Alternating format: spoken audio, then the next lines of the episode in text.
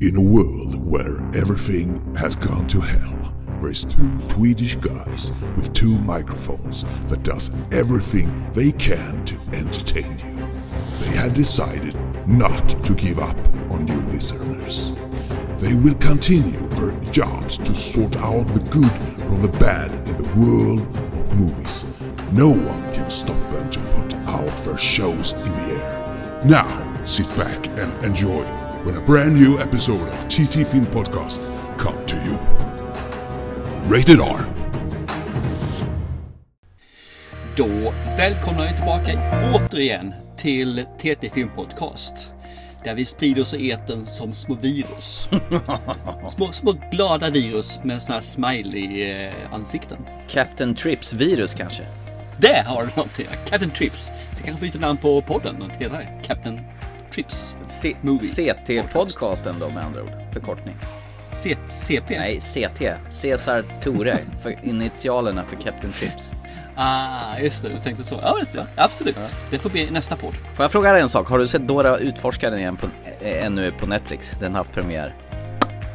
Nej, men jag kan tänka mig att den eh, skulle jag kunna se faktiskt. För det är en sån här äventyrsfilm som kan vara rätt så trevlig. Det är lite kul med tanke på att det var ett barnprogram från början med, med en liten eh, kort tjej med en väska och något sånt, sånt där jäkla djur.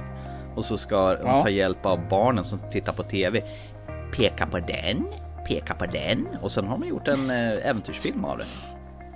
Okej, jag har sett trailern för länge, länge sedan faktiskt. Men jag har inte sett den. Den finns på Netflix nu. Ja, Ja, vad trevligt. trevligt. Ja. Jag får kanske ta en sväng förbi då och glo på den. Ja. Inte? Har du sett den själv då? Nej men jag blev löjligt lite förtjust i den där när jag såg trailern på den också. Ja, ja. Fast jag ser ju inte på trailern, men jag hörde att någon sa att eh, den var bra som har sett trailern, det vill säga du. Ah, ah, okej, okej. Ja, men det är säkert jag som har gjort det. Och tar åt mig det. Inte? Gör det. Nice. Du, jag har ju försökt det här liksom hålla igång verkligheten versus film. Du gillar grann. verkligheten mer än... Ja, jag tycker det är kul. Eh, idag Ja. så var jag och tjejen ute och gick med våra jyckar. Eller egentligen bara en av jyckarna så det var vi var ute och gick med. Och så kom vi en korsning och där kommer det en kille som är så här lite, man ska säga han är lite off så här, han går och haltar lite grann. Och lite, li- lite, kommer du ihåg han i eh, Castle Rock? Hans gasgård där. Ja, ja, han den långa, Ja. alltså Bill Skarsgård, när han är... eh, Ja, han som... Han som är lite sned i kroppen lite så här. Ja, just det. Som ett S Och står han ungefär. där, eh, ja lite grann sådär va. Så, han går ungefär likadant. Och så när vi kommer upp bredvid honom så saktar han av. Så han eh, hamnar bakom oss. Och så går vi på och helt plötsligt så är gluggen rätt så stor så vi kan släppa hunden igen så han kan springa fritt. Och sen så håller han det avståndet hela tiden. Tills jag en gång tittar bakom och då är han försvunnen. Så den här, den här gubben. Ja. Och sen helt plötsligt så tittar man bakom och går ner för en backe och så här. Så tittar man bakom och då kommer han springande. Är så här små krumsprång i sida, så här, så här sidohoppsasteg lite grann. Så här, inte riktigt sido men halvsidohoppasteg. Så här, och lite krum i ryggen och lite sned och dam. Va? Men gud. Och så kommer han och kutar så han kommer nära oss och sen så saktar han av sig han går så där igen. Ja. Och här tänkte jag, fan det här är ju riktigt härlig skräckfilm. En sån här psykopatjävel som, som följer efter ett par hajkar i eh, såna här bergsled och sådana saker. Det var ju roligt att du sa det, för det ska jag återkomma till senare i avsnittet faktiskt. Ja, okej. Och jag tyckte det, det här är ju fan coolt. För han, är, han var riktigt creepy den här eh, grabben alltså. Ja. När han kom. Och antagligen sprang han väl ner för backen av en anledning. För det var kanske halt, han tyckte det var obehagligt eller någonting. Men han såg så jäkla creepy ut. Och så höll han något avstånd. Sen tittade vi bak en stund senare och då var han försvunnen igen. Och jag tänkte det här måste bli en jävligt bra film egentligen. Alltså man bygger ut det här då med lite broderingar och vad han gjort tidigare. Han har ju, givetvis har han ju följt efter, välja ut offer och sen så eh, kidnappar han dem och äter upp dem eller tvingar dem att äta upp varandra eller sådana saker. Nej, men han har en isyxa i handen. Ja, isyxan funkar ju alldeles utmärkt också. Ja, Absolut. Och, och jag tror man ska börja hugga nerifrån kroppen och sen arbeta sig uppåt. Ah, du menar så. Mm, det är hans devis. Ja, men du har ju, du har ju löst det här. Lysande. Vad kul. Mm. Ja, hänger upp dem upp och ner och sen börjar hugga. Ja, och sen så sparar han eh, någon detalj bara för att ha som ett minne. Ja, eh, Eh, Kan det blindtarmen. vara fötterna eller blind... Nej, nej, nej men tramband kan vara. Han binder dem som en sån här fin halsband som han har. För öron och fötter är lite så här blasé, det har ju gjorts förut liksom. Så att, Och mördaren heter Kent. precis. Och efternamnet är så här ovanligt som Johansson. Det är ju skitäckligt. Ja, så är det. Bara namnet Kent Johansson liksom säger ju att det här är ju en weirdo alltså. Ursäkta alla Kent Johansson där ute. Nej men jag, jag tyckte det var, just när han kom skuttande ner för backen så var det lite som att man, wow. Hur lät det bara? Eller lät såhär moff, moff, moff, moff, moff, moff. när det kommer. Nej, jag vet. Sen har han någon musik, någon låt så här som man mantrar i eh, hörlurarna som, som blir så här psykedelisk grej.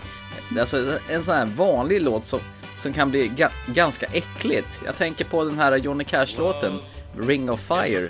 brukar ju vara populärt att ha med i skräckfilmer, någonting sånt. And it burns, burns, burns, a ring of fire. Sen kommer han där med yx, isyxan där och bara hacka. Men då ska han elda upp folket istället ju. Ja, det kan Ring of fire. Ja, efter han har ätit Ah. upp blindtarmen. Ja, precis. Ja, som en delikatess såklart. Ja, men givetvis. Ja, det var bara det ha. Det här tog ju skruv mer än jag trodde, måste jag erkänna. Det var lite kul. Ja, din verklighet är ju sjukare än alla andra. Ja, ja, men eh, man gör det inte sjukare än man eh, själv gör det måste jag säga. Nej. Så eh, alla Kent Johansson där ute. Går normalt ner för backen. Men det här för ju mig osökt. Du sa ju att det handlade om hajkar och grejer. Som, Ja. som man skulle attackera och så. Det, det här för ju mig osökt in på en Netflix-film som jag tittade faktiskt på här i helgen. Som jag tror hade premiär i fredags. Okej. Where a red dot, go bang! Du och Johnny. Vad som än händer. Jag tror i alla fall att du och David kommer att bli fantastiska föräldrar. Jag tänkte att vi kunde bara fly iväg ett litet tag och spendera tid med varandra. Hej på dig. Din tjej är jävligt fin också.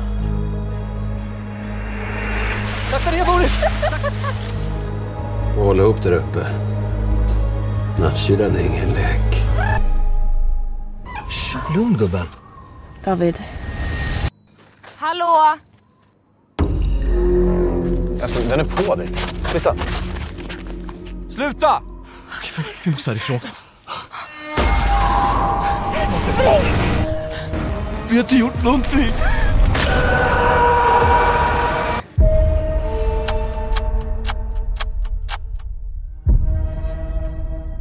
Jag tror det här faktiskt är Netflix eh, första svenska originalfilm. Signerad Alain Darborg. Eh, och det han har gjort tidigare, det är ju Jönssonligan. Alltså inte de här gamla med Gösta Ekman eller någonting, utan han gjorde ju någon actionvariant av Jönssonligan för några år sedan. Ah, den ja. Okej. Ja, Ja. med. Inte den senaste utan Precis, eh, den med näst- Torkel, han från eh, Kops bland annat. Och sen har han gjort en tv-serie som heter Alex för Viaplay också. Den här eh, eh, Dragomir från Snabba Cash. Han spelar ju huvudrollen i den. Jag tror han heter så. Men Red Dot i alla fall, det är ju eh, Netflix eh, första originalfilm. Det kommer nog säkert bli flera. Och där får vi följa paret Nadja och David. Eh, Nadja spelas av Nanna Blondell, jätteknepigt namn. Men hon, har, hon är känd för en hel rad svenska tv-serier. Det kom ju en ny Hassel med Ola Rapace bland annat, där är hon med. Det fanns en serie som heter Äkta människor, där det var folk som skaffade sådana här eh, humbots eller vad de kallar för, sådana här eh, robotar som de använde till det ena och det andra. Eh, sen fanns en serie som heter Inre cirkeln och nu senast har han varit med i den här barnserien med Robert Gustafsson om Turi Sventon. Eh, så hon, hon har varit flitig på tv-serier himlen om man säger så. Och, och sen har vi David då. Han eh, Ja. spelas av Anastasios Solis. Det låter ju som en grek. Jag, vet, jag tror han kanske är det ursprunget. Men han känner jag främst igen från som lillbrorsan till Seth Rudell i Johan Falk-filmerna. Har du sett de filmerna? Nej, det har jag inte gjort. Nej, då vet du inte vem det är. Eller in, du har inte heller sett Gåsmamman med Alexander Rappaport. Nej, det har jag inte heller gjort. Det är en sån här som jag har någon gång tänkt ska jag se den här för den har fått så jättebra kritik liksom. Och sen så slutar det med att nej, jag tar den här istället. Något annat. Nej, Gåsman man är faktiskt riktigt bra. Men i Red Dot i alla fall så får vi då alltså följa eh, Nadja och David.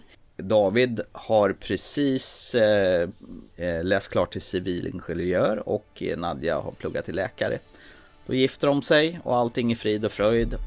Men sen hoppar man fram ungefär ett år i tiden och då är allting misär. Någonting har hänt, det är... De går varandra på nerverna. David jobbar hela tiden och Nadja tycker att hon får ta rätt på allting där hemma. Och till råga på så blir hon på chocken. Och det passar ju inte alls där när hon håller på att plugga till läkare. Taskig timing kan man säga.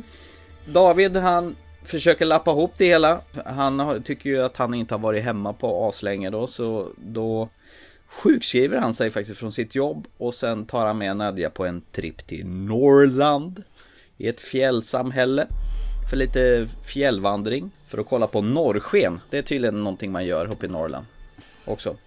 Men sen redan vid en bensinmack i närheten så stöter de på några norrländska jägare som är väldigt gåpåiga. Som de senare kommer titulera som incestbrorsorna. Låter väl fint va? Eh, Det låter ju eh, som ett par Kent Fredriksson eller Johansson. Ja, typ sådana. Där kommer de ju in ju, den där Kent. Och sen har väl hans brorsa, vad kan han heta då? Olle kanske? Göran? Fan per, per, per är det. Okej, Per. Per och Kent Johansson kan vi säga att de heter. Nu är det PG. Eller vad? Nej. Starkt jobbat PG. vad, fan, vad fan var det? Jo, det var ju han som gjorde reklam för Lotto en gång Nej, tiden, va? tipset. Tipset var det ja, just det. Han var faktiskt en av poliserna i en av de gamla eh, Martin Beck-filmerna med Gösta Ekman förresten. Han spelade en roll, kommer jag ihåg. Fan vad onödig vetande, men skitsamma. De råkar repa en bil i alla fall eh, till de här norrlänningarna och sen eh, är ju det startskottet på en rad oangenäma händelser som kommer ske.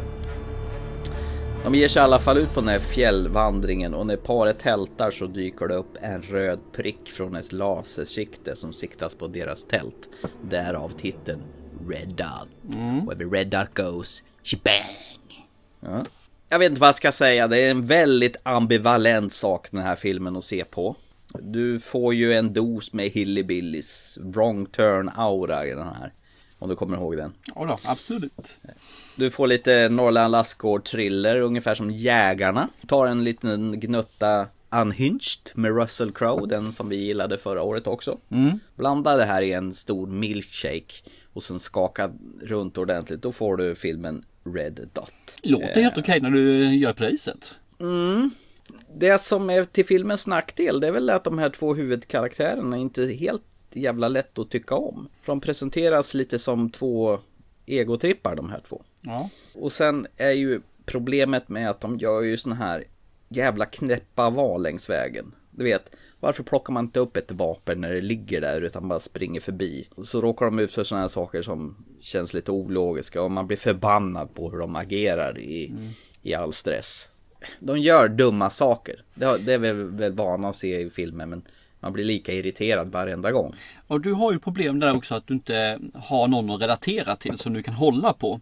Utan du måste Nej. ju alltid tycka om någon och är det någon då inte det så har du jättesvårt för det vet jag. Men tänk dig du får två, följa två stycken som du inte ri- riktigt gillar. Vad fan ska du bry dig om dem för? Nej men man kan ju hoppas de dör. Ja, precis! Så är det ju! Ja, hela filmen är ju skitbra man bara hoppas att de ska dö. Ja, Det kan vara trevligt det med faktiskt. Så du menar då ska man börja hålla på det andra laget då egentligen då? Eller ja, Tucker and Dale vs Evil. Det fungerar alldeles utmärkt. Ja, det är ju tjej sant. Men när du presenterar på så vis. Ja, men det här är ju inte så dumt i alla fall. Kanske. Ja, du ser! Om du bara får omeletter så får du göra ägg. Och sen så säger livet wow, vad fan hände där? Man kan ju inte göra en omelett utan att knäcka några ägg. Så är det ju faktiskt. Du ser. Ja. Ja. I början alltså så är det ju jävligt förutsägbart. Man vet ju, ja ja, men jag vet ju precis hur det här ska gå. Sen slänger man faktiskt in några oväntade turer så man blir, aha. Och sen blir jag ju förbannad för att det, de är ju så jävla korkade. Så man vill ju nästan att de ska gå dö. Och så blir man trött på dem. Men så någonstans när det är ungefär en halvtimme kvar i filmen så händer någonting. Så byter filmen riktning och den tar in oss på en helt annan väg som tittare. Och jag vet inte alls hur utgången kommer bli med det här. Och, och jag blev fan förvånad. Eller blev jag det? Eller det är det här jag menar. Jag, är- jag är fortfarande förvirrad om jag gillar den här filmen i- eller inte. Okej. Men jag gillar faktiskt slutet. Det här blir ju nu när du beskriver på det här viset så jag vet, när man ser eh, vissa filmer som eh, tar olika vägar så blir det är flera filmer i en så kan det vara bra. Mm. Men Place Beyond the Pines är en sån film som var ruggigt bra. Som, som var tre filmer i en film liksom. Men Ja. sen finns andra filmer som blir så det spretar i något kopiöst. Man känner det här är varken hackat eller malet. Och tyvärr Mm. så är det ju oftast det det blir när man gör på det här viset. Om inte den som skriver manuset eller den, och den som regisserar är jäkligt duktiga och vet vad de vill. De här vet vad de vill från början till slut. Ja. Eh, Det är bara det att Fan, det här är så svårt att, att prata om utan man ska ge bort någonting. För jag vill ju inte ge bort någonting med det här. Men det är lite som att åka berg och dalbana. Jag gillar, det, jag gillar filmen, jag gillar inte filmen, jag gillar filmen. Nej, fan vad jag inte gillar den här filmen. Och sen innan vi åker in i mål, ja, jag gillar nog den här kanske i alla fall. Alltså det var länge sedan jag var så här ambivalent till en film längs vägen om jag tycker om den eller inte. Det, antingen brukar det vara så att man har bestämt sig, nej det här var skit, eller inte. Men ändå så här liksom att det finns saker som är likable och saker och ting som är helt avskyvärda. Det känns som att vi bara har en lösning på det här problemet. Mm, vad är det då? Jag får se den och så får jag tala om vad som är rätt. Ja, det får du nog fan göra. Du får eh, hjälp mig i det här, snälla. Jag, jag ber dig på mina bara knän. Förklara om det här är någonting att se. Jag kan inte. Jag ska hjälpa dig i det här dilemmat du har, ditt, i din existentiella kris. Om två veckor så ska du få ett svar på din största livsgåta som är större än varför finns vi här? Var kommer livet från och finns Gud? Du kommer veta om The Red Dot är bra eller inte. Om det går shebangs eller om det blir ett snedskott av större mått. Yes! Vad va, vad fint! Nu kan jag sova gott i natt. Jag, jag, jag var lite orolig förut. Ja, ja men jag förstod det jag tänkte jag, jag, för, jag förlöste dig från den här stressen nu alltså. Och sen så kommer du få svaret här. Alltså vissa filmer är ju jättesvårt att prata om och, för, och inte avslöja någonting. Vi, vi brukar ju lösa det genom att prata mer känslor om filmen än att prata handling när vi stöter på sådana här filmer. Ja, nej men eh, då så. Blev du lite nyfiken på filmen då? Det låter ju nästan så. Jag är nyfiken nyfiken. Jag gör ju det allt för att hjälpa dig med din livsåskådning. Just det.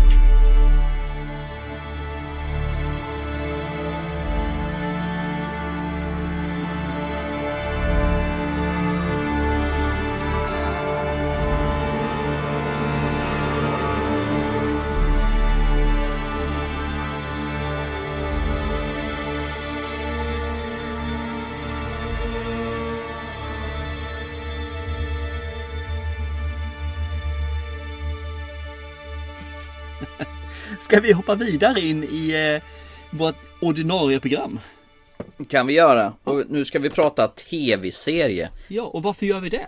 Därför att våran vän Hans-Åke Lilja, vi fick ett sms från honom förra veckan och, och sa så här, nu är det faktiskt bara ett avsnitt kvar av den här serien. Det vore ju trevligt om ni kunde prata om den här nu när den nästan är slut. Och jag bara, jag har inte sett en meter på det här. Jag vet inte om jag vill se den heller, för den, den verkar totalt, jag är totalt ointresserad av det här. Då kom det en ledsen smilegubbe där. Nej, det är inte en smilegubbe, en ledsen gubbe blir det. En ledsen emoji. Så då tänkte jag, ja, ja, vi, vi kan väl ta det här då. Och han är ju faktiskt en lyssnare som gjorde en önskning så klart att han ska få sin vilja igenom här. Alltså, jag har ju sagt det, kommer ni med önskningar vad vi ska prata om så försöker vi få in det. Och vad händer det. när man får sin önskan uppfylld? Ja, får man en film skickad till sig? film skickad till sig. Och jag har sett ut exakt vilken film som Hasse ska få. Jag är helt säker på att han kommer tycka om den här filmen.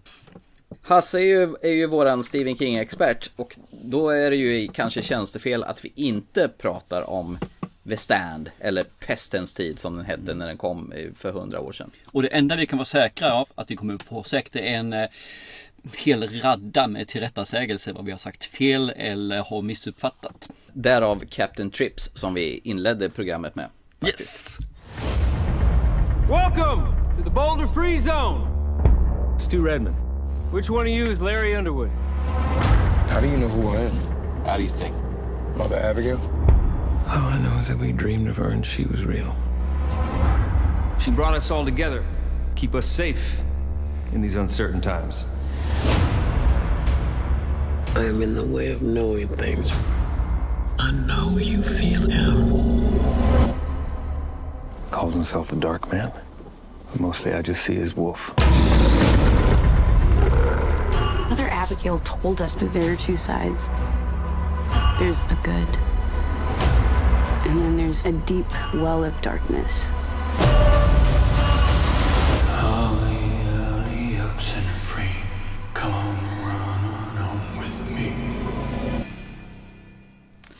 Jag, kan villigt erkänna att jag fattar inte vad det Captain Trips var så jag var tvungen att googla det. Ja, vad säger den då? Ja, det säger att det är väl det som var smeknamnet på det här viruset som vad var det, 99,8% av befolkningen blev smittade av. Mm. Har du läst boken förresten? Om vi, om vi börjar i eh, den. Jag har läst boken men det är jättelänge sedan alltså. Jag gick på mellanstadiet. Och. Så att det är jättelänge sedan. Men fakta är att jag känner att jag kommer ihåg rätt så mycket från boken i alla fall. När jag Mm. ser saker och ting. Däremot kan jag nog inte säga att det här ingår i filmen, det här har de gjort om. Men vissa saker känner jag igen. Så jag, ja men det här. Det jag dock ska göra faktiskt är att jag ska ta och plocka upp den här boken och ska läsa den igen. För jag känner att det måste jag nog göra efter så många år. Du blev sugen på den efter att ha sett Ja den men miniserien? faktiskt, lite grann så vart jag på den. Och så vill jag se lite grann hur skiljer den sig från bokförlagan om man säger så, förlagan. Jag ty- tyckte det var rätt bra gjort av oss att maratontitta alla de här nio avsnitten som film Ja. eller serien faktiskt löper. Jag hade ju sett ett par avsnitt innan, det hade jag gjort ju. Så hade jag lagt ner den här för att jag ville vänta in så att avsnitten kom. Jag hade bunkrat upp lite grann så jag kunde se den så eh, i den, den tempot jag själv ville. Nu såg man den lite snabbare än vad jag hade tänkt mig så vi skulle prata om den idag då. Men eh, det, det var värt det, det tycker jag. Att eh, se den. Hade du sett den gamla eh, miniserien också som, som är från 80-talet? Där? Ja, det har jag gjort. Och jag tror att den eh, följer boken lite bättre när det gäller tidsaxeln. För den här nya hoppar ju lite grann i, eh, i tiden. Ja, det gör väl det. Det hoppar i nutid och det hoppar tillbaka. Så du Och får jag har inte för mig att boken gör det faktiskt. Men som sagt var 30 år sedan jag eh, läste den. Ish. Men du, för de som mot all förmodan inte har koll på vad The Stand eller Pestens tid handlar om. Kan du ge en liten kort briefing till de oinvigda? Ganska enkelt egentligen. Eh, Ett virus sprider sig över världen som dödar alla i stort sett. Som du säger 98,6 sa du? Jag var osäker på om det var så mycket. Någonting sånt? Ja. Och de som överlever för det här, som inte blir sjuka utan är immuna. De eh, får besök i sina drömmar av två olika karaktärer. Ena karaktären är en gammal gumma, 108 år gammal eller vad det är för någonting. Ja, Whoopi Goldberg! Ja, Whoopi Goldberg här och eh, heter Mother Abigail tror hon heter, eller bara Mother.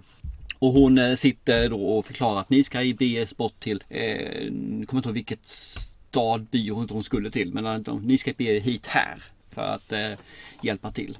Och så får hon samtidigt ett besök av en annan eh, grabb kan man säga, inte en annan men en grabb. Som är då The Dark Man. Och han manifesterar sig oftast med en, som en ja, hillbilly kille, men vad säger sån här, vad heter det, Billy Bob kille med sån här rockabilly frisyr. Och eh, med jeans och säger liksom och manar dem till deras eh, girighet mer eller mindre att äh, kom till mig istället. Eller så kommer han som en varg eller något liknande då liksom. Och då får ju folk välja sida. Antingen åker de till New York, heter det inte alls, det heter, vad fasen heter det? Las Vegas. Las Vegas heter det. New York, ja, det är ungefär samma sak. Las Vegas, såklart. Jaha. Och det här blir då den ultimata fighten mellan ont och gott. Där vi har Mother Abigail på en sida och vi har Randall Flagg på andra sidan. Och ni som har läst Stephen King känner igen Randall Flagg för han kom upp i x antal böcker som en, en ond eh, motpol till det goda. Jag var tvungen att eh, halvvägs in i den där skicka ett, ett sms till Hasse och sa vänta nu, Random Flag, är inte han med i Svarta Tornet också? Och så kom du bara, jo det är väl klart han är. Och jag, jag tyckte att jag var duktig som hade kommit på det. Jag har ju sett den där jävla dåliga filmen med Matthew McConaughey. Så Matthew McConaughey och Alexander Skarsgård är samma figur egentligen. Yes. Mm. Och sen finns han, fick han med i några andra böcker också. Som finns eh, Drakens tårar, eller Drakens ögon. Drakens ögon heter det förresten. Där är han också med. Då. Och sen tror jag han är med i någon bok till. Men jag är lite osäker på det. Vi kommer säkert få höra det med, med ett par veckor. Säkert. Bara tänka på den här gula eh, pinnålen med smileyfiguren. Varför har han den? Det, har du någon Det koll är på en det? kul grej bara vad jag har fått för mig. Den visar ju också lite grann vilket humör han är på i serien som sagt var ju. Eh, Men den finns med i boken också vad jag minns. Eh, Smiley-gubben. Jag såg nog den bara ändrades en enda gång i hela serien faktiskt. Oj, Från- det ändrades fler gånger gjorde det. Jaha, okej. Du var Det nog dåligt. lite ouppmärksam där. Jag, Det är faktiskt Stephen Kings son som har varit med och producerat den här serien, Mm. Owen King. ja men precis. Och givetvis så är ju Stevie King med på en liten cameo här också. Så att, Ja, han är med på den här skylten. Eh, det här ålderdomshemmet. Eh, Hemmingford Home. Så syns han ju på posten. Han är ju med i alltid tänkte jag säga. Stellan Skarsgård då? Tyckte han gör... Stellan säger jag, fasen, förlåt. Alexander Skarsgård. Gör han eh, bra ifrån sig tycker du då som en- den här karaktären? Ja, det tycker jag faktiskt. Han växer under tiden faktiskt. I början har, syns han ju inte så himla mycket. Han är duktig på att se äcklig ut faktiskt. Ja, Ja. passar jäkligt bra i det där skägget faktiskt. Ja, det gör han verkligen. Och den här, äh, det heter ju något speciellt, den här frisyren han har som går, det ser ut som en sån här råttsvans nästan Ja. bakåt där. Ja, Jag, jag sa ju som en rockabilly-frisyr liksom. Så här, mycket Ja. skräp och det ska vara överkammat bakåt och sidan och hela fadräsen. Ja. Ja, Jag minns ju den här gamla 80-talsserien och då var det någon lite längre kille i någon sån här hockeyfrilla har jag för mig. Men det var väl mer för 80-tal. Han såg väl ut som en sån MacGyver-frisyr nästan har jag för mig. Sen Så vet inte jag egentligen om man tittar i, eh, i boken som så. Nu är det så jättelänge sedan. Men eftersom han hette Darkman och jag läste den då när jag gick i sexan, femman någonstans där. Så trodde jag ju att det här var också en mörkhyad person. Men jag tycker att det här som de visar upp är förbaskat mycket bättre. Alltså, jag tycker han passar fruktansvärt bra i utseende och hur han är lång, ganska gänglig men fruktansvärt fysiskt eh, stark i alla fall. Och det tycker Alexander är som person i dagsläget. Så det är fantastiskt kul att se. Så jag tycker om honom, det gör jag absolut. Kände du igen eh, Cyclops från X-Men då? Hjälte hela dagen. Han som Stu Redman du? Redman. Ja. Ja. Jo då, det kände jag igen, absolut. Ja, det har ju gått några år sedan Cyclops-tiden om man säger så. Ja, verkligen. Och jag såg han ju faktiskt häromåret i, i filmatiseringen av Sonic the Hedgehog. Aha, ja, det har inte jag sett. Som sagt, jag har inga småbarn längre. Den är ju faktiskt riktigt underhållande. Jag var iväg och såg den, det var ju, var det ju förra året? Ja, det var nog fan. För förra var det inte 19? Ja, det kanske är så länge sedan. Jag var iväg och såg den på bio med min son i alla fall, tyckte den var oförskämt kul. Och Jim Carrey var faktiskt med och spelade i det, hans rätta element också faktiskt. Jaha. Men eh, tycker du att den är välkastad så att de här rollerna, att det är rätt, rätt folk som de har rollbesatt? Stu Redman för mig är precis som han ser ut i boken. Alltså James Okej. Mar- Mar- Marston. Han, han Ja. är precis med boken. Så det är eh, utan tvekan klockren på min sida. Eh, Franny Goldsmith har jag inget minne av hur jag tycker och känner så här. Men jag tycker hon fungerar bra faktiskt i boken. Hon, eh, hon växer och hon, hon blir mer mogen. Och det gör hon ju i boken också om jag kommer ihåg rätt. Så det fungerar allt, alldeles utmärkt. Men de känns så jävla åldersskillnad mellan de här två. Ja men det är det också, absolut. Det tycker jag med. Men jag tycker ändå det funkar. Tycker jag, eftersom hon ändå eh, ska ha barn då så här också. Så tycker jag det funkar. Hon, hon, hon mognar till om vi säger så. Då. Skarsgård fungerar ju alldeles utmärkt. Whoopi Goldberg var ju den här jokern undrade om hon kommer fixa det här eller inte och spela en sån. Men hon gör det skitbra tycker jag måste jag säga. Hur gammal hon har blivit. Aha, ja, ja absolut. Sen har vi ju den här Larry Underwood, har ingen orsak. Vad hette han? Eh, Nick. Fungerade jättebra också. Jag tyckte först, det första jag såg honom kände jag bara nej, så ska inte Nick se ut tycker jag. Det går några avsnitt så tycker jag att ja men det, det fungerar alltså, det gör det. Det fungerar riktigt förbaskat bra. Ja, ja, det är han som inte pratar ja. Ja, han som är döv stum. så han är ju. Eh, vem var det mer jag tänkte på? Jo, han... Eh, eh, Harold Lauder. Ja, Lauder precis. Han är ju klockren också tycker jag. Ja, Så jävla creepy är han. Med sitt leende där och hela det här köret liksom. Äh, han, han är ju, det tyckte min eh, kära flickvän också när hon tittade in. Bara, uh, han är ju, usch fy. Och han, han passar skitbra så han gör. Nu gör han ju bara sådana roller tyvärr så han gör. Men eh, jag tror att han skulle passa bra annat också. Men han har gjort massa sådana här eh, creepy roller. I Det var han ju med bland annat. De här eh, Bad Bunch killarna. Jaha, just det. Jag tycker det är så jävla fränt när han står hemma framför spegeln och så har han en bild på Tom Cruise när, när han står och pekar där och så försöker han imitera honom. Det är så här små detaljer som jag går igång på. Och likadant den här äh, andra killen, Teddy Wiseack som jagar Blu-ray-filmer och då är det massa såna här, ha, har du sett äh, den här eh, Föräldrafritt med Tom Cruise till exempel. Har du sett Mm. den här filmen? Den är ju skitbra. Ja, tror du The Rock eh, lever eller något? Han hittar på den här Skyscraper med The Rock. Så här Mm. små detaljer som eh, förhöjer alltihopa. De hade inte behövt haft det med, men jag gillar när de går den vägen. Helt enkelt. Nej, det tror jag inte är med i boken. För det fanns inte Blu-ray då. Nej, men det kan ju säkert vara eh, VS istället han samlade på då ju, kan jag tänka mig. R- rullbandspelare kanske. Ja, precis. Jag kommer faktiskt inte ihåg om den karaktären finns där, man lagt till honom eh, nu separat. Eh, ja, det är som sagt för länge sedan jag såg, eller såg så länge sedan jag läste boken. När man börjar se den här serien, de första två, tre avsnitten i alla fall, så är den ju riktigt långsam. Tycker jag. Den hoppar fram och tillbaka så ibland vet man faktiskt inte riktigt var man är någonstans. I, eh, är, det bara ett nytt gäng? Eller är det en annan tidsepok? Eller vad fasen händer? Jag, och jag tyckte det blev lite jobbigt. När det hoppar? Ja, den här gången eftersom jag inte visste om var man var någonstans i, i vad heter det, i, eh, i storylinen. Okej. Det tycker jag är synd, för det skulle varit mer tydligt tycker jag att var man var någonstans.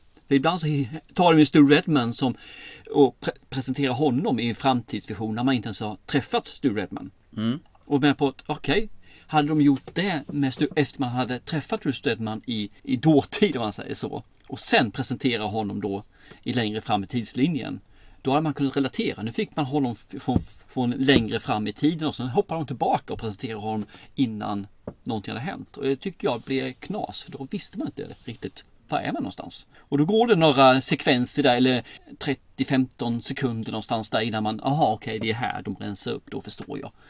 Och, så här. och det ty- tycker jag de kunde gjort på ett bättre sätt. Nej, jag hade ingenting eh, ont av det faktiskt. Jag, på något jävla vänster så hängde jag med från scratch, från start där. Och jag gillar ju när det inte är linjärt där. Att det studsar lite grann. Jag har inga problem med det oftast, men jag tycker de gör det på ett dåligt sätt. Ett riktigt förbannat dåligt sätt, rent ut sagt. Så att, eh, sen så tycker jag ju att, nu vet inte jag om det är så här boken säger, när de har den här de svullnar upp om halsen, det ser ut som de är några sådana här eh, 600 kilos personer allihopa, bara tittar i ansiktet på dem. De har fått en snorlobba i halsen. Ja, en rejäl sak alltså. Och det tycker jag att det, det blir inte... Nej, för mig blir det visuellt. Man ser liksom att det här är påsminkat. Man ser liksom att det här är rätt crappy gjort alltså, tycker jag. Just med halsen svullna upp. Det hade, hade, hade mer eller mindre räckt lite att de spyr och ser allmänt ihåliga ut och ger dem, ger dem en riktigt jävla svår influensasymptom. Det hade räckt tycker jag. Man behöver inte göra de här sakerna. Finns det i boken så kanske det är för att du ska vara trogen mot den. Men du behöver inte vara det utan se till att det blir visuellt bra istället. För visuellt är det här skitdåligt. Det är så jävla sunkigt hur man har gjort det här rent sminkmässigt. Så att jag blir nästan irriterad och vill stänga av den här serien med en gång. Var det inte Stu som var, var hos någon tjej i början som blev så här och, och, och ska vara intim och sen börjar hon snora till förbannelse. Det var ganska äckligt, kommer jag tyckte jag var kul. Eh, Det var inte Stu. Var inte det Nej. han Larry Underwood? Jo, men det var det ju. Vad dum jag är. Det stämmer. Han mörka killen var det Mm. väl va? Precis. Ja, just det. Och sen börjar hon snora som fan. Mhm. Så här grönt, äckligt snor. Och han bara, eh, eh, eh, jag måste gå nu. Sen fick du ju J.K. Simmons en liten eh, snutt i början där. När det hela bröt ut där. När de var på den här militäranläggningen. Ja, just det, stämmer, Där han stod var... Mm. Det är En liten kortis där. Det var kul att se honom där Han också. är ju jättebra fortfarande. Så att jag tycker Ja. om hans agerande. Jag förstår inte att han får göra fler filmer. Inte. Han har, han har pondus den gubben. Ja, han kan leverera. Det kan han faktiskt. Så att, eh, nej, som sagt, de första två, tre avsnitten är med. Med? Ja, med. Eh, det är ordet, helt klart. Och tittar man på IMDB så har ju den här inte fått jättebra kritik. Alltså 5,5. Mm. Och det är liksom inte många tv-serier som får så här dåligt. De brukar ligga på 7,2 upp på 8,4 och sådana saker liksom. Sen så om den förtjänar eller inte, det kan vi komma till lite senare. Lite längre fram i alla fall. Man kommer fram till 4-5 avsnittet någonstans där. Då tycker jag den här börjar i alla fall ta lite fart. Man börjar känna personer, man börjar förstå lite grann Vad var är vi på väg någonstans och hela köret. Och det börjar få lite flow i, i berättandet. Var är vi på väg? Ja men lite grann så här och sen så går det lite längre så börjar man ju då också introducera the bad guy sidan så man får lära känna dem lite grann också då ju. Och eh, det tycker jag är ju trevligt för jag vill gärna ha lite grann att det finns små stickspår. Det är ändå nio avsnitt. Så man ska kunna bygga in en hel små stories tycker jag. Det är faktiskt ganska lite små stories i den här. Det kanske det är i boken också, det vet jag inte. Men jag tycker att där skulle man kanske kunna lägga till lite grann mer så man fick lära känna eh, karaktärerna och deras eh, vardagliga bekymmer. Lite mer kanske. Jag, vet inte hur man ska lägga upp det men jag vill ha lite hade, mer då hade ju serien blivit mycket längre skulle jag tro. Och behöva Ah. löpt kanske i flera säsonger. Nej, det tror jag inte faktiskt. Jag tror att man kunde ha plockat bort en hel del. För den stod och stampade en hel del faktiskt. Så jag tror att man hade nog kunnat eh, rappa upp vissa saker och lägga till eh, mer. Och lagt till kanske ett avsnitt till. Eh, och sen så... Nej, vi ska inte säga någonting om det förresten. Det kan vi ta när off record tänkte jag på. Jag kommer att Mm, spoila det om jag säger det här så då, då håller vi käften. Ska, håll käften, du ska inte spoila någonting. Nej. Jag tänkte på den här andra sidan i Las Vegas när det är det här lustfyllda eller vad man ska säga. Och det, jag fick lite, tankarna fick mig att gå lite till Mad Max bortom Thunderdome. När man ser de här jag förstår hur du tänker där. Jo, jag förstår hur du tänker. Lite såhär Wasteland, Mayhem, Mm. där folk är lite såhär cyberpunk-klädda och så. Japp, vilket man alltid Mm. gör när man eh, är på andra sidan lagen. Då ser man lite cyberklädd. Han den där, eh, L, vad heter han, 43-åriga, han som är lite efter, som säger M-O-O-N hela tiden. Som, That's Moon. han är ju för jävla skön, den skäggiga karln. Ja, men han, han gör riktigt bra ifrån sig. Vad fasen var han hette för någonting? Ja du, Tom Cullen va? Var det Tom Cullen han hette? Ja, jag tror sko- Ja, men det kan det vara. Tom Cullen var... Ja, det stämmer. Exakt. Brad William Henk som spelar honom och han gör det för jävla bra. Vad har han gjort mer för något? Vet du det? Nej, jag vet inte, men jag gillade hans skådespel. Jag håller med. Och jag vet karaktären finns ju i boken också. Och de får ju med eh, ganska mycket från boken just till hans resa också, om vi säger så. Märkte du förresten i slutet på varje avsnitt så begåvar de i eftertexterna med en gammal klassisk låt från 80-talet. Okej, ja ja. Bland annat, eller det kan vara från 70-talet också, du hade Blue Oyster Cult, sån här Don't Fear the Reaper i avsnitt 5. Mm, okej. Och om du skulle jämföra den gamla och den här nu då? Den gamla miniserien plus med den här. Problemet är att jag kommer fan inte ihåg så jäkla mycket av den gamla, så jag kan inte jämföra, ärligt talat. Jag kan bara jämföra känslan. Så för jag Mm. kommer inte heller ihåg eh, eh, vad som skiljer de här åt eller hur så här alltså. Och jag Nej. håller nog den gamla högre i sin helhet. Jag tycker skådespelarna här är ju både ett eller två strå vassare. Det ska man ju inte säga något annat alltså. Men jag tycker Mm. om bättre om berättartekniken och hur man har lagt upp den i eh, den gamla. Okej, Så är det det- för att det är mer straightforward eller? Ja, vad jag kommer ihåg så är den, och sen vad jag kommer ihåg så är den också mer lik boken i sin känsla, vad jag hade då om man säger så. så att, eh, men det är som sagt, nu är det jättelänge sedan. När jag såg eh, serien så hade jag boken färskare än vad jag har idag. Om man säger så. så jag hade kanske lättare att eh, relatera till den också och jämföra. Men jag, jag tycker liksom att den, eh, för mig är den bättre gjord än vad den här är. In the bottom line då, när man väl kommer, när vi har klämt dessa nio avsnitt och sådär. Var det värt turen då från eh, början till slut och hamna i Las Vegas? Eh, Orkar du dig förbi de här första tre avsnitten, ish, någonting, så tycker jag att den börjar att leverera. Saken är den att jag hade superhöga förväntningar på den här serien. Alltså, jag hade ju eh, att det här skulle bli the shit. Det här skulle kana rakt in på topp tre av alla årets eh, tv-serier. Men det gör ju inte det. Det här är som bäst mediokert i sin helhet. Den- Var det en dikeskörning i dina ögonmått? Nej, inte en dikeskörning. Men det, det var inte the shit. Den är helt okej tycker jag att se. Men jag anser, se den gamla istället. Den är bättre. Eller läs boken faktiskt. För det, det ger mer än vad den här gör. Den, den ger inget mervärde till att ha gjort den. Det, det är lite det som det är. Det, den är helt okej att kasta bort tiden på om man säger så. För du mår inte dåligt av den. För det är den, inget avsnitt som jag satt och tittade på klockan eller något avsnitt där jag kände att, ja, förutom de första tre, där jag kände att, ah, ska jag verkligen se hela skiten här till podden?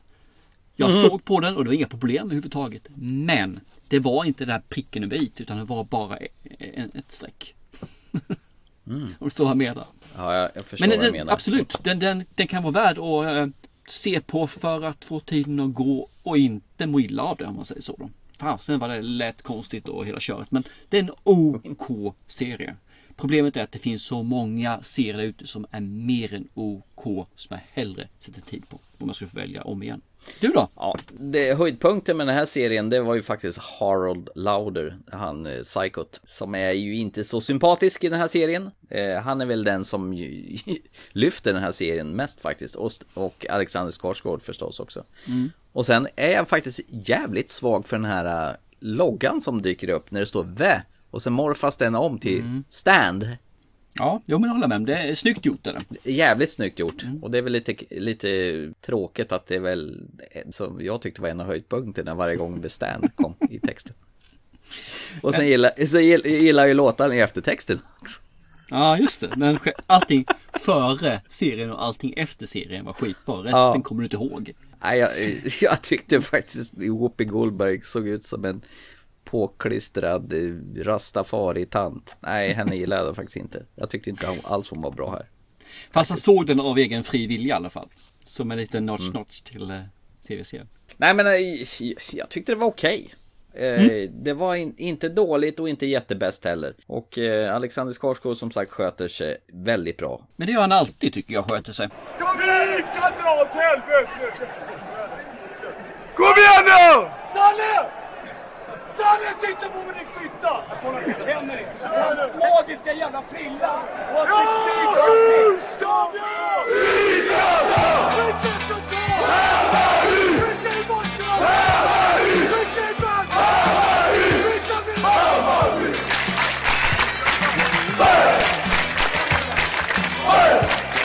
Kom igen, kör!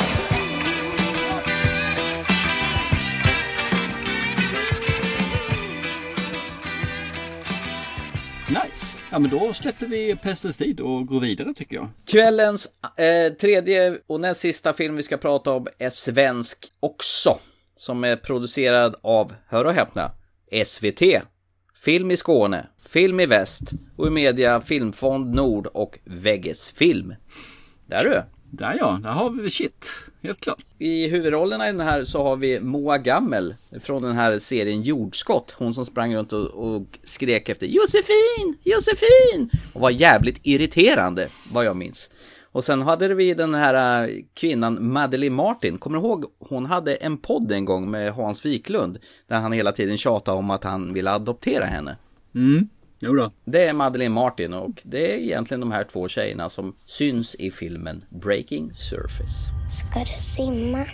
Jag ska dyka. Ida! Hej!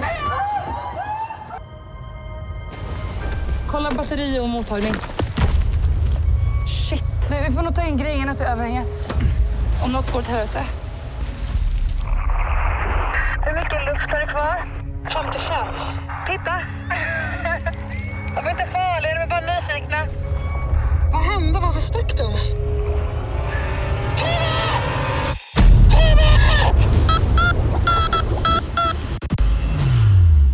Jag sitter fast! Visa upp med din ficklampa, jag måste se var du är någonstans!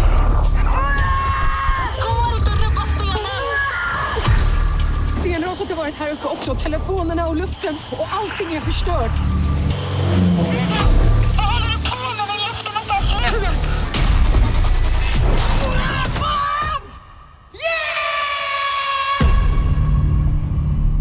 Så du menar att det här är lite mer ett eh, kammarspel då alltså? Eh, kan man säga. Eh, Under vatten då. Exakt. För den handlar om, det får du ta. Ja, okej. Det börjar väl med att två syskon som håller på och simmar. Det var Tuva eh, och Ida håller på och simmar och Tuva drunknar nästan som barn.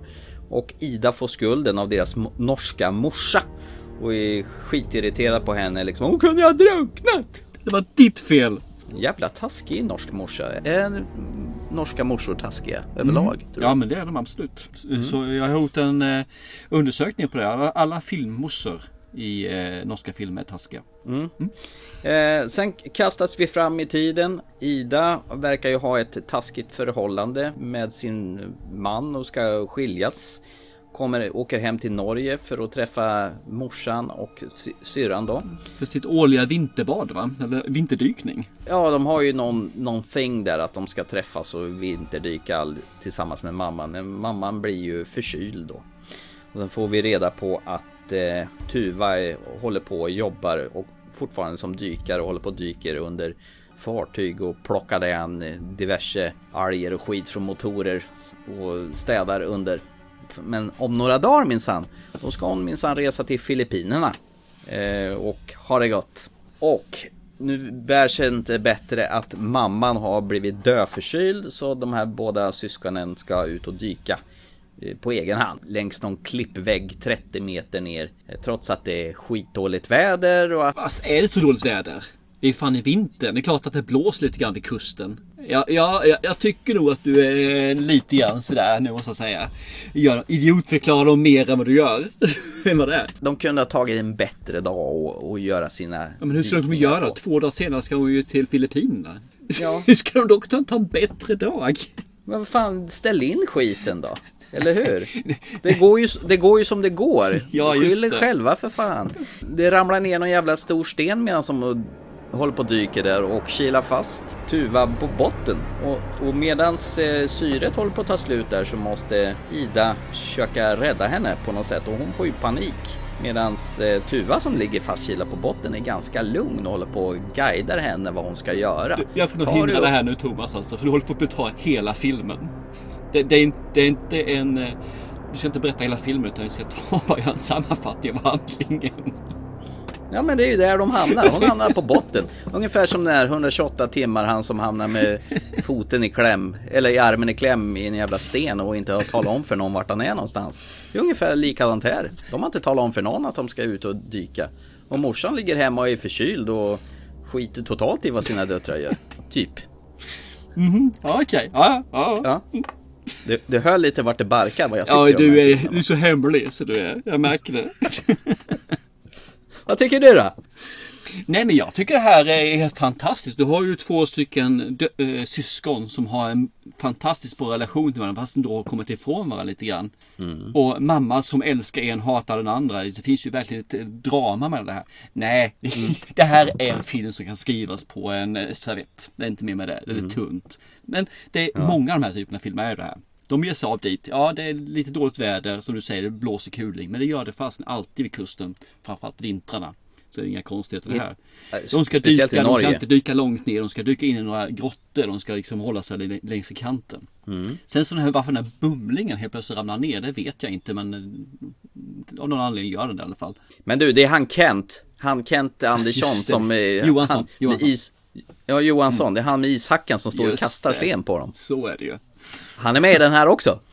Eh, jag tycker den här filmen har några inslag. Jag tycker det är, för det börjar i, i början där så tycker jag det börjar rätt brutalt när hon, morsan, hon mer eller mindre anklagar ena av syskonen att det hade varit ditt fel om hon inte, inte hade överlevt. Och då har du liksom, vad kan hon vara? 12-13 år gammal när hon skulle ha det här. Och man märker ju det när de kommer tillbaka. Det är ju ganska frostigt mellan henne och, eh, och mamma då. Vad heter hon för någonting? Hon heter Ida heter hon va? Nej, inte mamman. Nej men eh, och- dottern heter Ida som är det är frostigt med till Ja, mamman.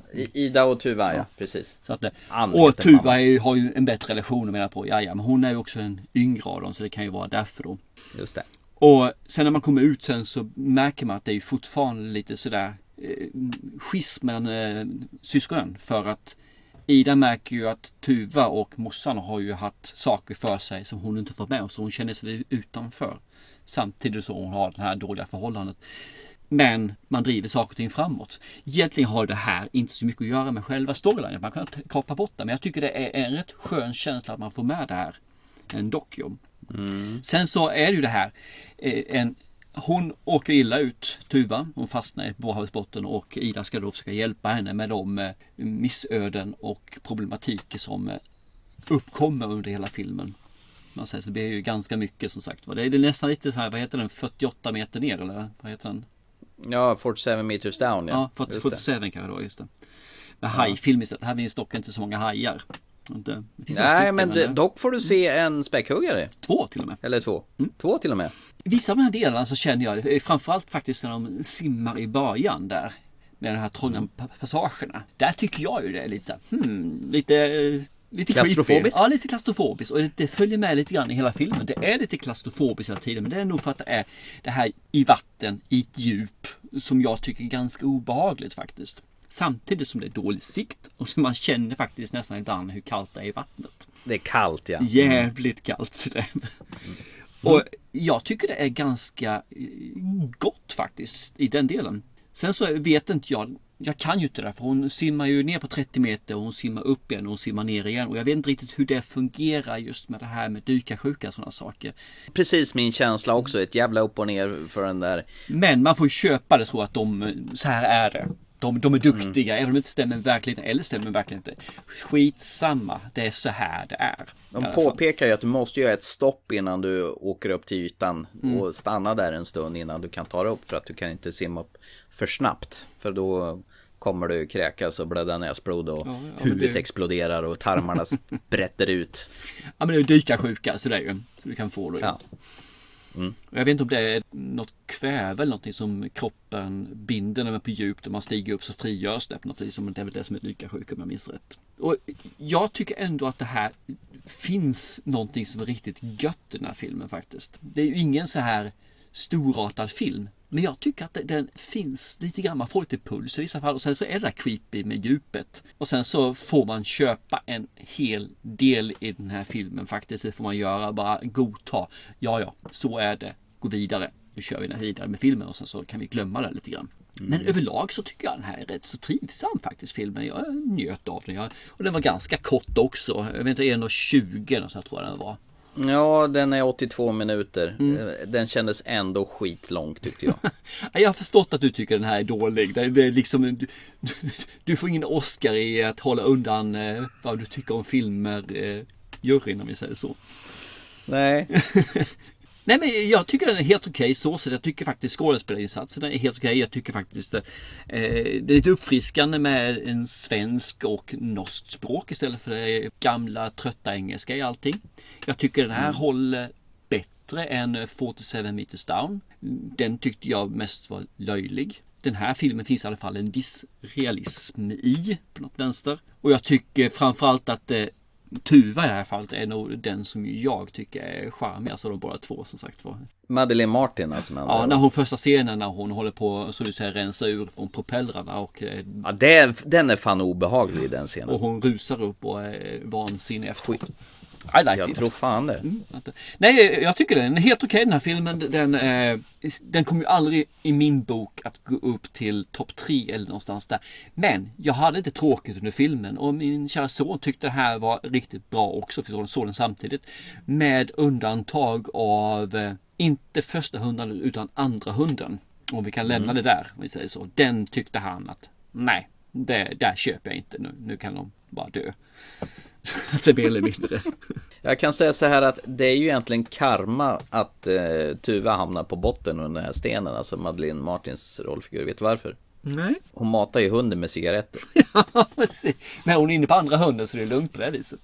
Ja, hon sa ju det. ja. Och likadant, eh, Ida sitter ju och skriker åt den här andra. Håll käften! Håll käften! säger hon till den andra. Så man kan ju undra om den här filmen hatar hundar. Ska ju kunna vara så ja, absolut. Eller hur? Eh, Jag tycker Ida är ett riktigt jävla klantarsel i den här filmen. Den andra tjejen, Tuva hon är ju den som är räddningsledare medan Ida springer runt som en jävla yrhöna och vet inte vad hon ska göra. Ja, ska Ida i- har ju inte dykt på jättelänge och är ju inte lika van som Tuva heller för hon jobbar ju med det här Tuva. Jag tänker på när hon är uppe och försöker tillförskaffa sig verktyg och grejer som ska hjälpa henne och hon är så jävla klantig så jag, jag sitter och hoppar i soffan över att hon är, hon är så korkad. Där har du samma. Min son hade också synpunkten hela på henne. Men Mm. vi har en syster som ligger fastklämd nere på havets botten 30 meter längre Mm. ner. Och hon ska, ska rädda henne. Jag tror man är rätt stressad och jävligt konfys hur man ska göra för något där uppe. Framförallt när vissa saker har hänt där uppe också som gör att det försvåras infinitivt mycket. Så jag kan köpa vissa sådana saker. Nu blir det ju kanske over top med många av de här sakerna som händer och hur hon beter sig. Men en hel del av det kan jag faktiskt köpa. Att jag skulle nog inte vara så jävla cool lugn heller när jag vet att hon har 20 minuter kvar där nere innan syret är slut. Jag måste lösa det här. Men de är ju överens ibland på hur de ska lösa saker och sen helt plötsligt så vill ju Ida va, nej nu gör vi så här istället. Men hallå, va- varför väljer du att göra så här? Och då blir jag bara skitirriterad. Usch! Ja, nej, jag, jag tyckte den här filmen var OK. det var en, eh, en och en halv timme, eller 20 då om man säger så. Det var lutade tillbaka för det är ju ingen intelligent film på något vis. Nej. Jag känner så här. Vad fan skulle de dit och göra och dyka det jävla sämsta vädret för? Fast det är ju, du hakar upp dig på någonting som inte stämmer. Det är ju inte sämsta, det var ju inte ens så stor kuling överhuvudtaget. Det blåste lite grann, ja visst Vä- gjorde det det. värdelöst alltså. De hade ju världens sämsta förutsättningar och tala inte om för någon att de ska i och dyka där. De, de, de bad om problem och mata hunden med cigaretter. Skyll er själva för fan. De hade med sig x antal telefoner, de hade med sig livbojar, de hade med sig massa säkerhetsutrustning som de hade, de hade med sig extra tankar. De hade fan ta med koll på det där. Jag får se hur dåligt det gick. Ja, men du ska ju aldrig se sån här film. Alla de här förbaskade grottfilmerna som finns då. Den, det, så, det som är på pluskontot, att den, den såg ju snygg ut. Den såg ju ganska dyr ut att göra den här filmen. Och det är ju SVT som eh, har finansierat den här tillsammans med lite andra independentbolag. Så det är ju faktiskt ganska anmärkningsvärt. Fast den är inte dyr, den kostar 36 miljoner så det är ju inget dyrt egentligen. Nej, men den ser ju ganska Ja. dyr ut. De Nej men jag håller med, den ser välproducerad ut är. Absolut. Men eh, ändå, de kunde ha suttit hemma och druckit rödvin och pratat minnen vilken istället. jävla kul film det hade blivit. Fast var en bra låt i eftertexterna med röyksopp. What else is there? Den tyckte jag om. Det är alltså du för kvällen här tänkte jag säga. Skit i filmen men titta på introt när The Stand mergar ihop sig till med Stand och titta vilken Ja. fin eh, extra låt det blir i slutet. Film. Ja. Men det här, Thomas, Thomas, det här är alltså en filmpodcast, ingen jävla musikpodcast eller en grafisk podcast. Du menar att jag snäddade ur vårat nisch här? Jaha, du har eh, helt klart misslyckats. Så vi får snart ett guldkort mig här alltså. Ja, förlåt. Men eh, Breaking Surface, den, nej fy fan. Det här, det här, nej, nej. Tyvärr, jag tyckte, jag tyckte det var sh- shite. Jag tycker det här eh, kan vara värt att se eh, till viss del. Du måste kunna köpa lite grejer och det är framförallt att du kan få se en actionfilm, katastrof-ish film om man säger så, som är nordisk ska vi säga, för man kan inte säga den är svensk utan den är nordisk. Och bara det tycker jag är ganska uppfriskande. Men ser man det här på en internationell skala så är ju det här bara, det, det är kanske inte något jag kan rekommendera på det viset. Och ska vi säga ett men igen då. Den här filmen versus 47 meters down. Ja men då kan vi kasta bort 47 meters down i Mariannegarden och låta den krympa ihop till en liten tens- alltså. Och se den här filmen istället för den här är fasen mycket mer crisp än den filmen är. Vilket du inte klagade på ett jävla skit den filmen förresten. Nej men den första var ju bra, den andra var ju ett jävla haveri Men hur kan det vara bra? De åkte dit med en, en rostig jävla båt som inte hade grejer som fungerade. Inte en kedja som höll för en sketen bur. Men herregud, nu var det väl inte den filmen vi skulle prata om? Jag vill bara tala om hur okonsekvent du är i din, i dina recensioner här. Nej. Jag vill gå vidare nu, jag vill inte prata mer om eh, dumma tjejer som gör dumma val i dumma dagar. Gå hem med er för fan och bli sams med morsan istället.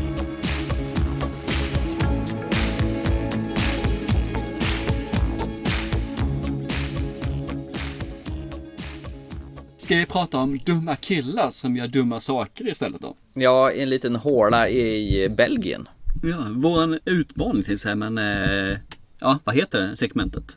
Återtiteln Filmer från förr som vi nu ser med äldre ögon. Jaha. Och den här gången ska vi följa med Colin Farrell och Brandon Gleeson till den lilla staden Brygge i Belgien i väntan på att mörda någon. What is it you've done, Raymond? Murder, father. Why did you murder someone, Raymond? For money. Who did you murder for money, Raymond? You, father. After I killed them, I walked home to await instructions. Get to Bruges. Bruges, Bruges. Bruges. Where's that? It's in Belgium. For two weeks? In Bruges? In a room like this? Uh, With you? No way.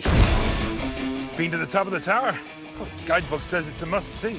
Well, you ain't going up there. Why? It's all windy stairs. I- I'm not being funny. What exactly are you trying to say? They're a bunch of elephants. Harry, I've got an idea. I'm gonna go back to my room, jump into the canal, see if I can escape. If you go outside and round the corner, you can shoot at me from there and try and get me. I'll go outside, then which way, right or left? You go right, don't you? Okay, on the count of one, two, three, go. Who says it? Oh, you say it. You guys are crazy. Maybe that's what hell is. The entire rest of eternity spent in Bruges. Och det som är kul med den här är att jag har inte faktiskt vetat om att han som har skrivit den här och även regisserat den har då gjort Three Billboards Outside of Ebbing, Missouri eller Seven Psychopaths. Men herregud, det här pratade vi om i avsnittet om filmregissörer. Gjorde vi bland annat. Säkerligen. Jag har glömt bort den så jag gjort i alla fall. För jag har inte tänkt på det. Och jag känner bara att han har gjort en film till, en eh, short som heter Six Shooters som jag blir fan sugen att se nu bara för detta. Ja, den har jag inte sett, men eh, du tvingar ju på mig Seven Psychopaths gjorde du ju. Ja, jag fick ju göra det eftersom du inte såg den när jag rekommenderade den. Det är den de stjäl hundar och kidnappar dem bara för att få tillbaka, få lösensummor och sen lämnar de tillbaka dem till. Yes. För att få hittelön. Och likadant Free Billboards Outside Ebbing, Missouri. Den är också helt fantastisk. Och det som har de här tre filmerna in Bruges också, det är att den har en jävligt finurlig dialog och väldigt mycket svart humor i det hela. Yes, framförallt så är det dialog. Eh, helt makalöst bra dialog. Men vad händer då med de här två lönnmördarna i Brygge? I Brygga? Ja, i Brygge, in Bruges. Eh, In Bruges, vet du vad In Bruges står för förresten? Eh, vad det betyder? Ja. Ja, det är väl någon sånt här äh, flamländsk beskrivning av någonting med bro har jag för mig någonting. Ja, det är det. Det står för bro eller spång eller något liknande så här i flamländska. Stämmer, fan vad du kan. Eh, vi får i följa två stycken eh, gangsterkillar här ser vi ju. Som är en av bossen, deras högt älskade empatiska boss, har fått order att åka iväg just till In för att invänta vidare eh, instruktioner kan man väl säga. Eh, och man kan väl säga då att de här är väl ganska omaka par. Vi har eh, den yngre killen då som är våra allas Colin Farrell som heter Ray som är ganska hetlevrad. Now this is more like. Proper holidays. One gay beer for my gay friend, one normal beer for me because I am normal. This is the life. We're not staying here getting pissed. Ja, det är han. Han är hetlevrad och han vill leva livet kan vi säga i alla fall. Eh, och så har vi då den här gamla killen som heter Ken eller Brennan Gleeson då som du nämnde. Killen, egentligen här är väl, han är ju fantastiskt bra skådespelare men han har däremot inte gjort så jättemycket där han har varit huvudrollsinnehavare. Han är mer en birollsinnehavare som stöttar upp tycker jag och gör det fantastiskt bra. Och så har vi deras boss då, Harry eller Ralph Fiennes. Det är ju Voldemort. Yes. Och eh, vad kan man säga mer om de här? Brendan Gleeson förresten, han är också med i Harry Potter-filmerna. Eh, Ja, i, du, den här filmen kryllar av Harry Potter-referenser. Det gör det säkert också ja. Den här, den här tjejen som han träffar, hon... eh, Mm, hon är också med Hon är ju någon fransk bruttare ju som Ja, hon är också med i. Harry Potter. Och, stämmer. och Colin Farrell, han är ju också med i Harry Potter-världen. Han spelar ju för fan eh, Grindelwald i första när han är maskerad. Mhm, jaha, okej. Så jävla vad Harry Potter-gubbar det är i den här filmen Ja, där ser man, där ser man. Tänkte säga, är det något mer man behöver säga om filmen som sådan? För det, jag känner att det är mycket dialog, det är mycket Mm. hänvisningar och det är väldigt konstiga svängar i den här filmen. Egentligen så känns det som att det är rätt så mycket den, den röda tråden och storylinen är ganska tunn och allting runt omkring broderas ut så det blir en, en skön fin matta av den här istället. Så det här A till Ö är inte så viktigt utan egentligen att man följer med i filmen under tiden. Resan som jag brukar säga, som är så underbar. Resan dit ja. Yes. Eh, grejen var om vi ska backa lite grann till vi såg den här första gången. Det var inte fruktansvärt många år sedan jag såg den här. Men jag vet att, att när jag såg den så... eh, Jag hade en skön känsla av den. Jag gillar ju det här att, det, att de är två Irish-gubbar, att de är två irländska. Så det blir ett Ja. annat temperament i filmen där. Och de har ju en jävla dialekt, så det är ju tack och lov så har, hade man svensk text. Jag hyrde den här på Blockbuster för hela 29 spänn. Samma här. Det är ju egentligen ett vykort från Belgien och Brygge egentligen där. De är ju på plats på riktigt. Ja, ja Och absolut. Det är jävligt fint. Så det Det känns som, ju ungefär det som som är att... roligt är att de spelade in där tror jag om det var mars eller maj någonstans där, jag kommer inte ihåg riktigt. Men Mm. ljuddekorationen är uppe fortfarande. Ja, Och då gick ju han eh, borgmästaren ut och sa liksom att det, det finns anledning till att vara uppe för till befolkningen informera dem verkligen. Vi har kvar de här för att vi ska spela in en film. Så de hängde upp alltså flera månader extra mot vad de egentligen skulle göra.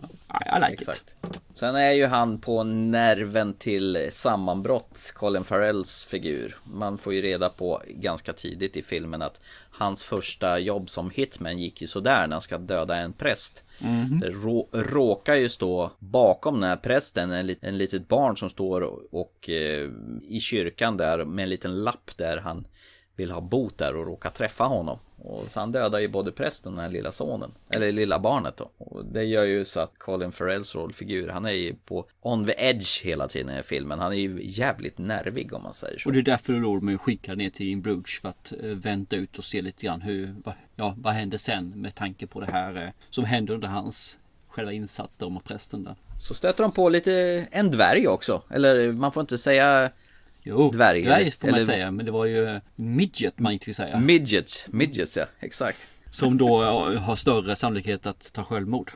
Han går ju igång på referenser på tidigare kortväxta eller dvärgar som har tagit självmord. Bland annat han, den här som spelar Nicknack i den här äh, mannen med gynnelepistolen. Han eh, pratar ju om Time Bandits också ju. Eh, David Rappaport menar du eller? Ja, precis. Eh, som trivia kan man ju säga att det här måste nog vara en av de mest fuck-täta filmerna genom tiderna.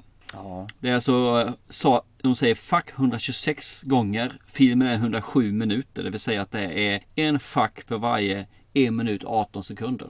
Vad, vad har du mer för känsla? Vi, vi går in nu och pratar om eh, första filmen. Filmen är från 2008.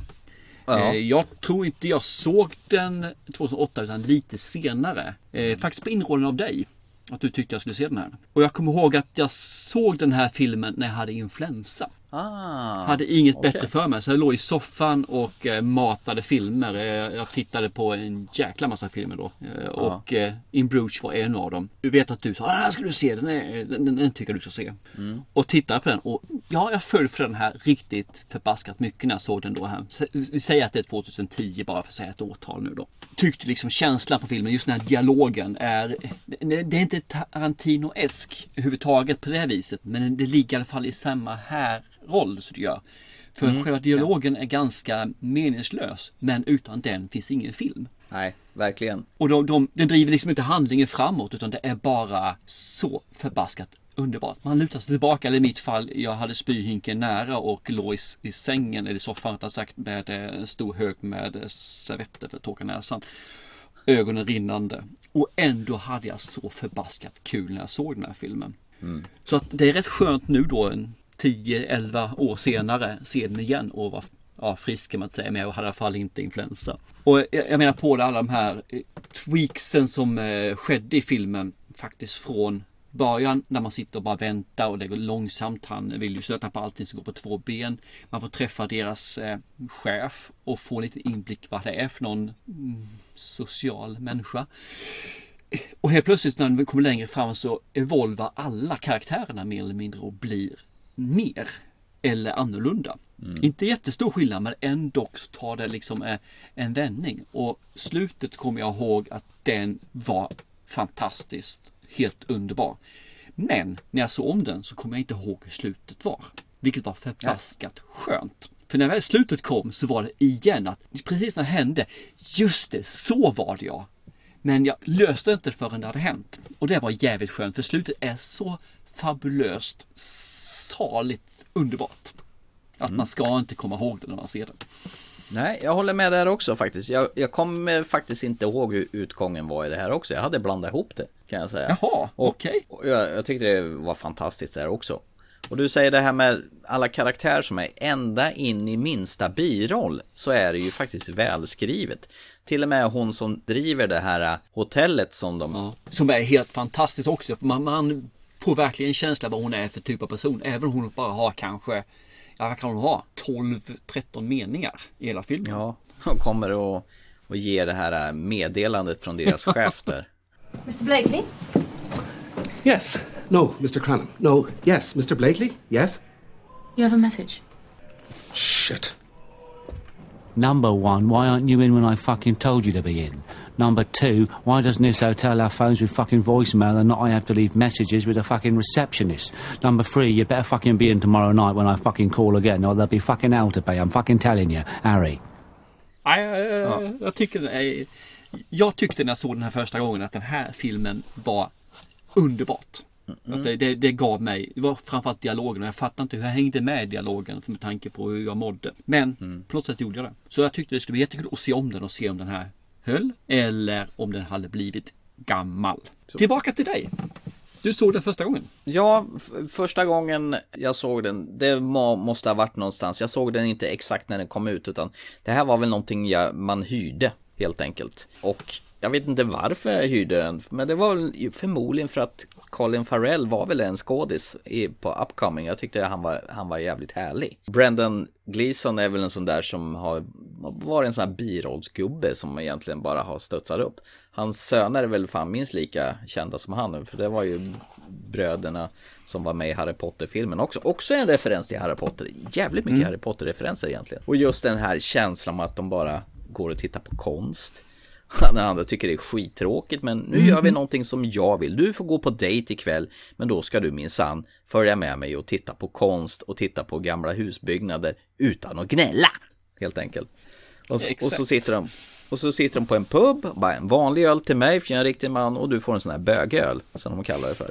Men det är så här små jävla detaljer här och var. Till och med när Brandon Gleesons rollfigur ska gå och fixa sig en pistol och den här karln säger att ja, det finns ju massa konstiga kryp in i det här Avkrokar. Avkrokar. avkrokar ja. Och så börjar de diskutera, det är väl ingen som säger så längre, utan de kommer på en sån här jävla rolig dialog. Dialogen är ju helt underbar i den här filmen. Och likadant när Colin Farrell går på dejt med den här eh, belgiska tjejen och han presenterar sig så här, men jag är mördar folk, mest präster och barn ungefär. Mhm. Och hon där, ja, och vad gör du då? Ja, jag förser filmfolk med knark. Och de bara sitter och tittar på varandra och sen blir de sugna på varandra. Och ingen av dem ljuger. Nej, och, och blir osams med paret bredvid som tycker det är för jävligt att hon sitter och röker. Den scenen är också fantastisk. Vilket jag kan förstå. Jag hade också blivit asförbannad om någon hade blåst rök på mig när jag sitter och äter mat. Men de har ju också saker att göra. Utan till och med en sån liten roll blir ju någonting som räknas med i den här filmen. Och det är ju det som är så härligt. Hela filmen känns så jävla genuin. Och det är ju tack vare re- regissören Martin McDonagh som har väldigt koll på vad han vill med sin vision av sina filmer tror jag. Ja, han har ju också skrivit manuset så att eh, han hade nog full koll som du säger. tanken på att förlägga handlingen i i en stad i Belgien. Som förresten min kära arbetskamrat har varit där. Han älskar belgiska ölsorter.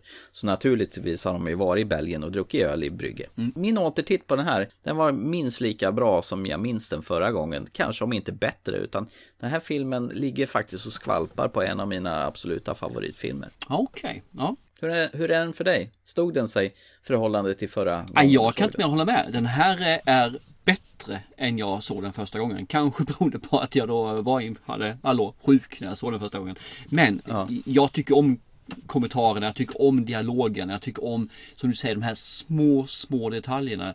Där den minsta rollen, som då är talaren, som har, har dialog, Mm. får så pass stor plats i filmen i alla fall och att den känns inte som utfyllnad utan känns som att den verkligen hör hemma i filmen. Trots att dialogen inte hör hemma någonstans egentligen i handlingen. Men i filmen gör den det. Så är det någon där ute som har missat In Bruges och tycker om brittisk film med brittisk torr humor, mycket svart eh, dialog kan man säga, eller rå dialog är kanske ordet, så ska ni ju helt klart se In Bruges. Den är värd en och två, tre tittningar. Och jag kan tala om att min store son tyckte den här också var riktigt fantastiskt nice.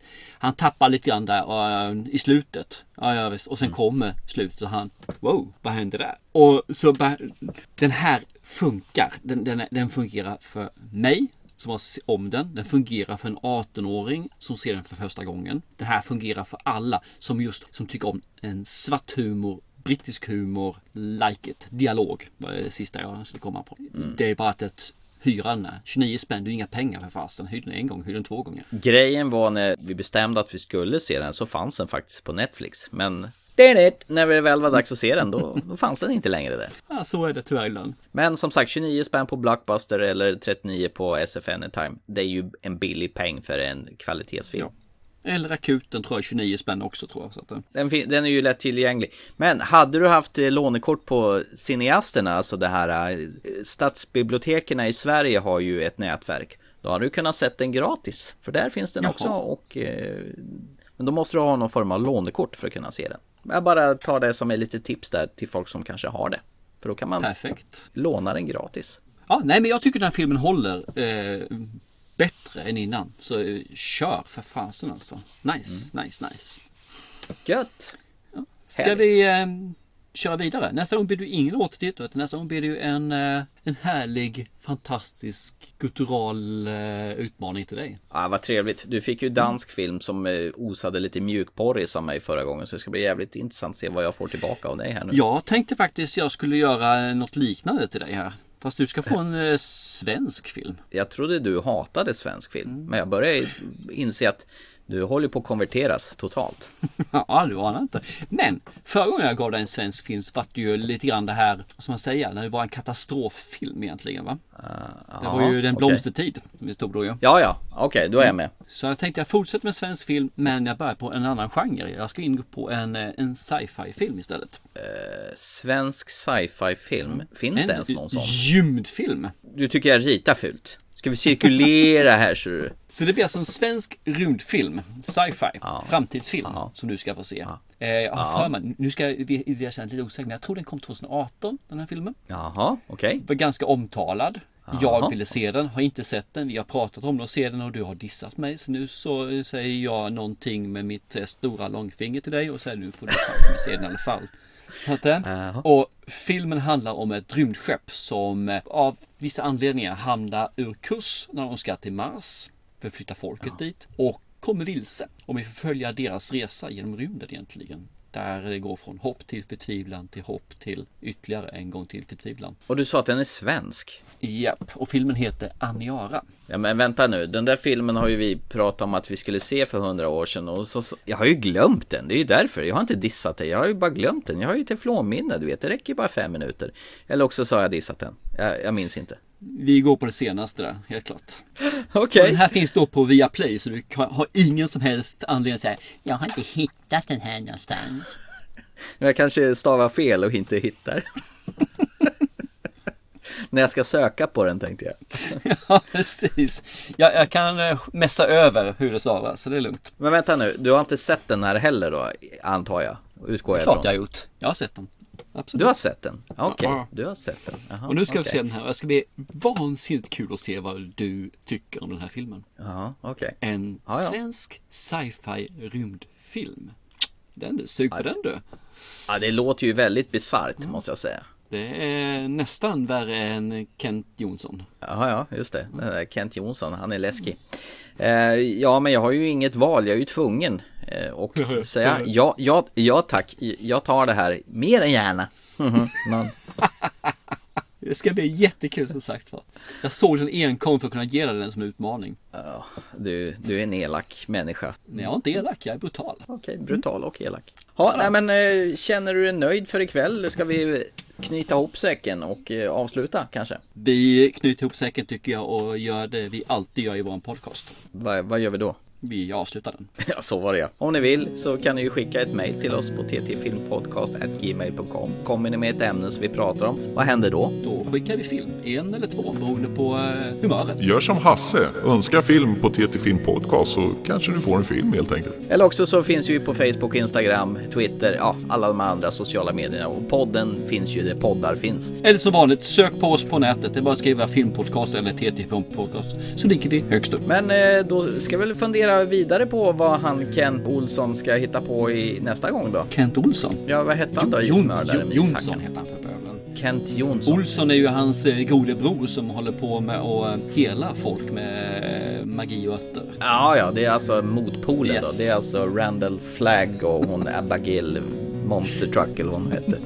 och Maximum Overdrive. Jag tror det är dags för oss att lägga på nu gubben.